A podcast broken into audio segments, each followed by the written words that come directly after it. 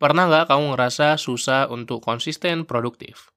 Udah coba untuk produktif, tapi hanya bertahan beberapa hari saja. Coba kamu ambil 5 teknik ini supaya kamu bisa lebih konsisten lagi. Halo, selamat datang di podcast Cerita Pembelajar. Kamu akan mendengarkan cerita mengenai pengalaman, gagasan, dan pembelajaran.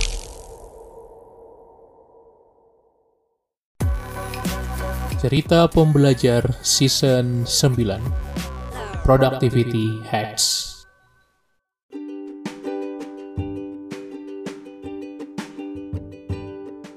Hai hai hai hai sobat pembelajar, kembali lagi bersama Umar di podcast Cerita Pembelajar yang tentunya akan terus memberikan tips produktivitas dan pengembangan diri untuk kamu langsung terapkan.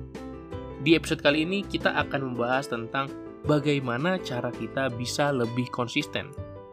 Dan ini diambil dari chapter terakhir ebook aku yang berjudul Cara Mudah Konsisten Setiap Hari kalau kamu sudah punya e-booknya, silahkan bisa lihat secara detail di situ penjelasannya lebih lengkap.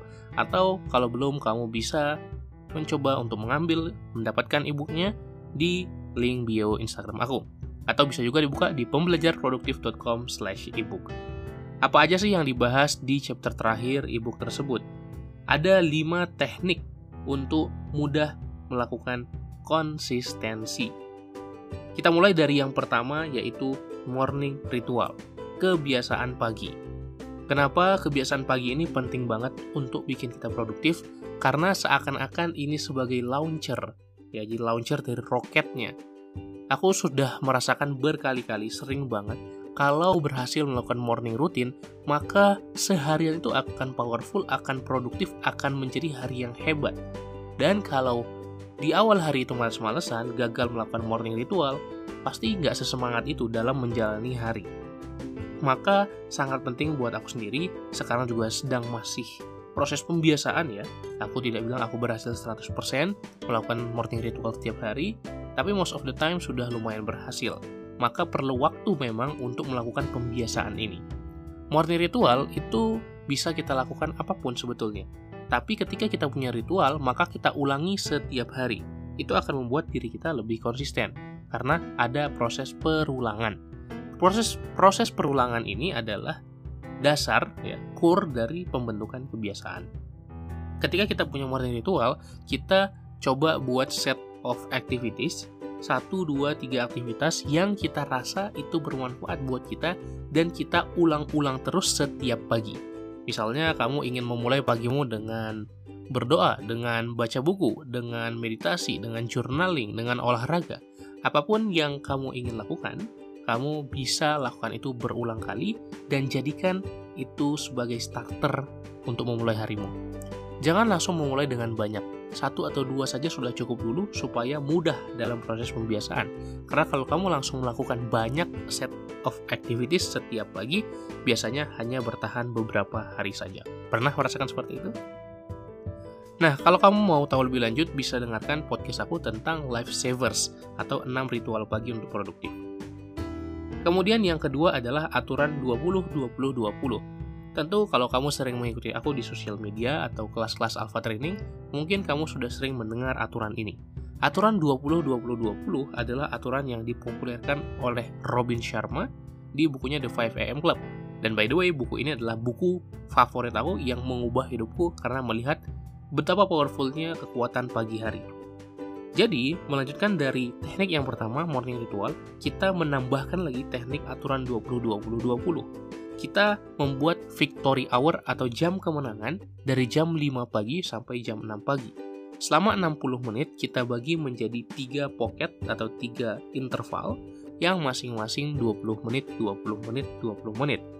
Maka disebut aturan 20-20-20. Di 20 menit pertama, 5.00 sampai 5.20, kita harus move, bergerak.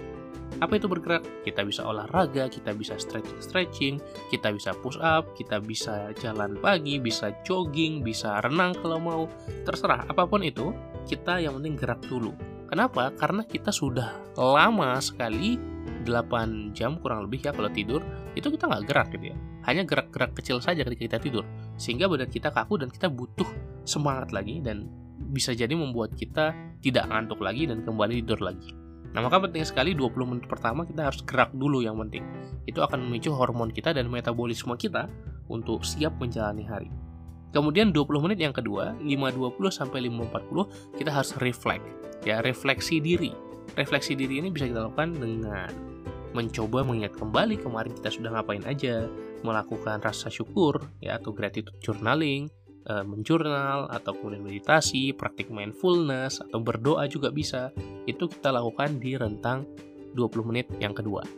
Lalu 20 menit yang terakhir, 5.40 sampai 6.00, kita coba grow, kita coba learning, kita coba bertumbuh.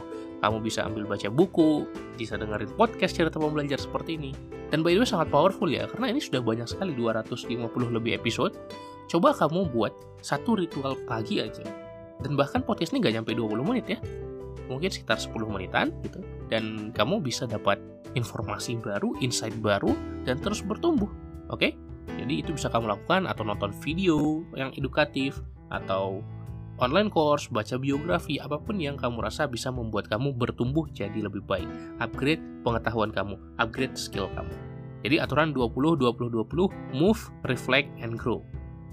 Kemudian teknik yang ketiga adalah goal isolation ya, isolasi tujuan atau isolasi target. Apa maksudnya? Seringkali kita kesulitan untuk konsisten melakukan sesuatu karena ketiadaan fokus. Ya, kalau kita fokus ke satu hal, akan lebih mudah buat kita konsisten ke hal tersebut. Sayangnya, kita sering kali banyak ide, banyak gagasan, pingin banyak yang dilakukan, akhirnya nggak, nggak dilakukan juga gitu ya. Seperti kita ingin mengejar dua kelinci secara bersamaan, tapi mereka berlari ke arah yang berbeda sehingga kita kesulitan dan tidak dapat satu kelinci pun. Maka membuat satu goal saja dalam satu rentang waktu sangat membantu kita untuk bisa fokus dan konsisten. Walaupun tidak harus satu ya, mungkin bisa dua, tiga, itu terserah kita. Tergantung ke kapabilitas diri kita. Oke, tapi aku akan contohkan satu saja, ya satu goal. Nah kita harus mengisolasi goal tersebut. Seringkali yang membuat kita nggak produktif bukan non prioritas kita, ya bukan hal-hal yang tidak kita prioritaskan, tapi justru hal-hal yang almost priority, ya bukan kita terdistraksi oleh hal-hal yang negatif, oleh hal-hal yang memang bukan jadi prioritas kita, tapi kita sering kali terdistraksi oleh prioritas nomor 2, nomor 3 kita yang mengganggu prioritas nomor 1 kita. Maka kita fokusin dulu aja ke satu prioritas utama, kita buat rentang waktu, oke selama 30 hari ke depan, aku akan fokus kerjaan ini, gitu ya. Ngerjain sebuah project, apa pun projectmu itu.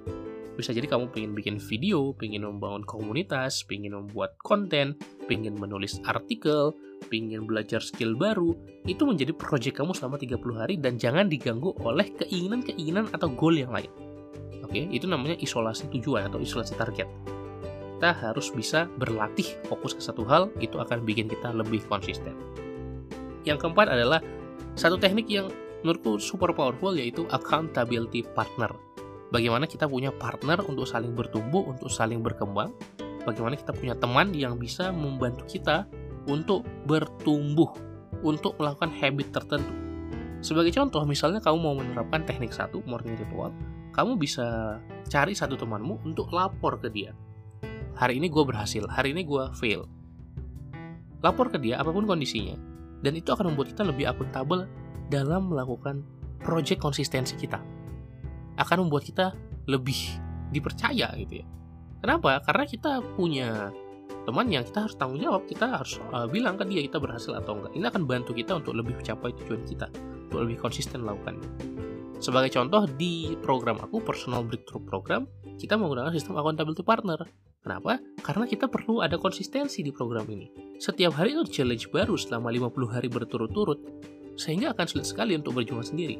Maka kita menerapkan sistem accountability partner, sesama peserta membentuk grup 2 atau 3 atau 4 orang, dan akhirnya saling mengingatkan untuk melakukan si challenge-challenge. Oke, dan teknik yang kelima, yang terakhir adalah environmental reminder atau pengingat di lingkungan kita. Pengingat di uh, ruangan-ruangan yang kita miliki. Gimana contohnya? Misalnya kita ingin konsisten untuk makan sehat.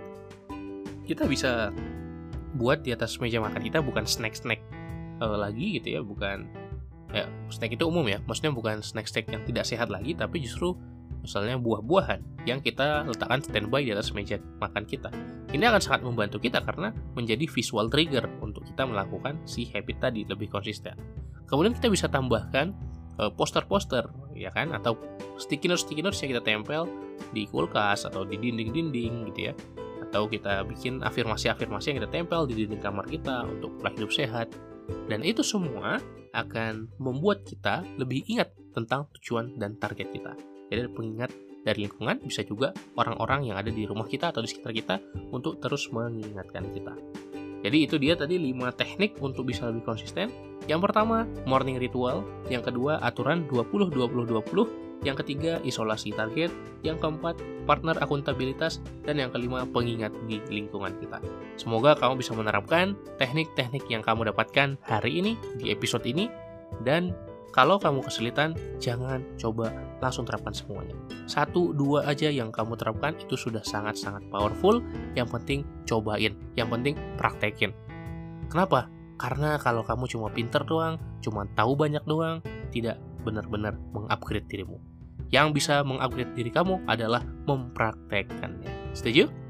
Oke, itu aja untuk episode kali ini. Terima kasih banyak sudah mendengarkan sampai akhir. Silahkan bagikan ke teman-temanmu.